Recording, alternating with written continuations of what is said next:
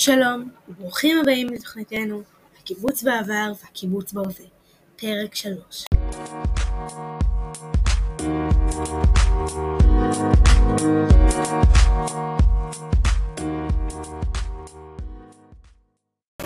מי שעדיין לא האזין לפרק 1 ו-2, שילך עכשיו להאזין.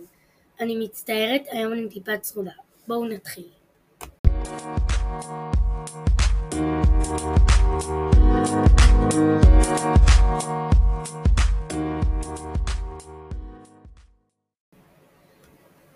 והיום יהיה לנו דו-קרב סוער בין מישהי מקיבוץ למישהי ממושב.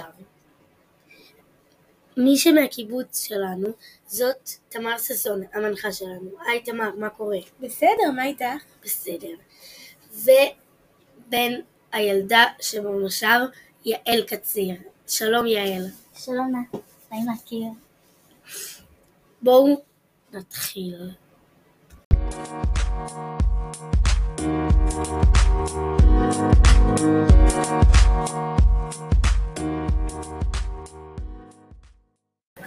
הדו-קרב מתחיל.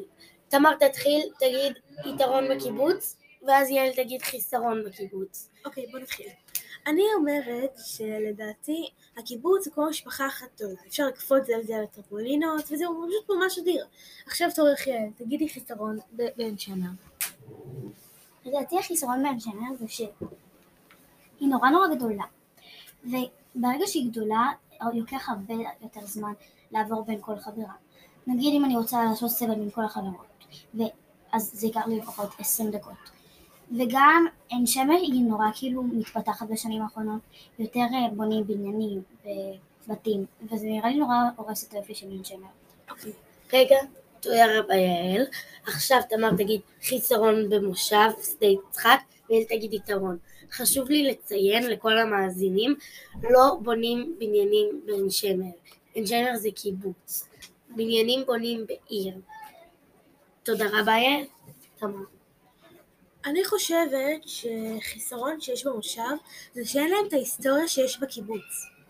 כי אה, אצלנו בקיבוץ היו בתי ילדים אה, ויש להם היסטוריה ארוכה על גבי שנים של שנים. תודה רבה תמר. יעל.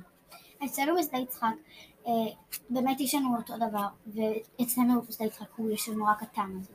ויש פה מעט אנשים אז כולם מכירים את כולם, זה באמת גם כמו משפחה מיוחדת, ממש כמו עין שמר, ואני חושבת אפילו טיפה יותר טובה.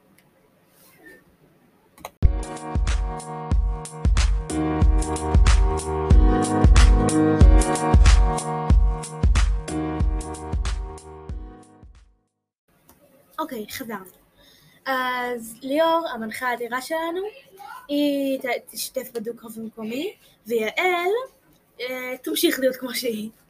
אוקיי, אז את צריכה אה, לתת אה, חיסרון לעין שמר ויתרון למושב.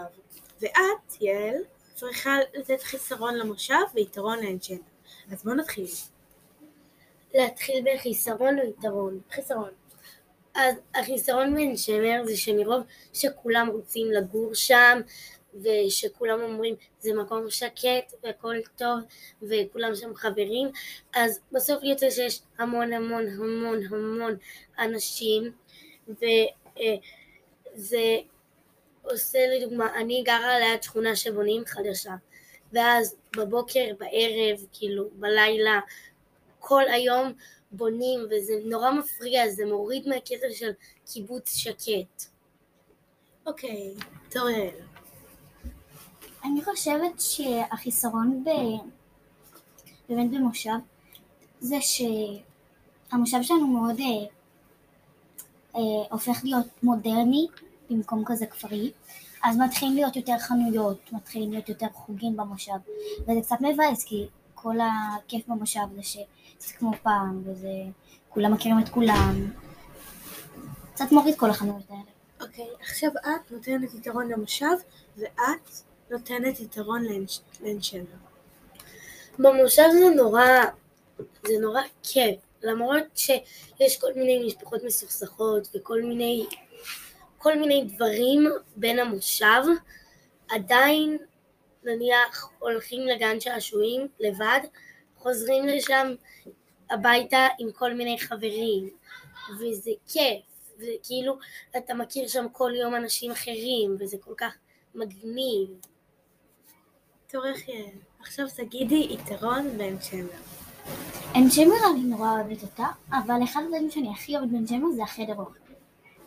אני חושבת שהחדר אוכל הוא נורא נורא מגניב, שאתה לא צריך ללכת הביתה ולחכות שאמא תסיים להכין את האוכל, אלא ישר להגיע למקום שתמיד מקבל אותך, כאילו, עד שעה שתיים, ו- ונותן לך את האוכל ש- שאתה רוצה בדיוק בזמן, שאתה גם יכול לבחור, אתה לא שואל את אמא, אמא מה יש לאכול, ואז היא אומרת לך נגיד אורז, וזהו, זה כל מה שאתה אוכל, אז זה כאילו נורא נחמד. אוקיי. זה היה נפלא אה, לארח אותך פה יעל, ונתראה בפעם הבאה. ביי.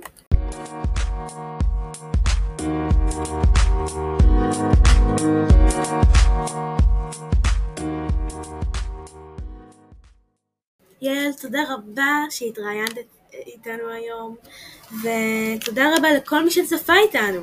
זה היה פרק שלוש, ואנחנו מקוות שתאזינו לנו גם בפרקים הבאים. תמר וליאור.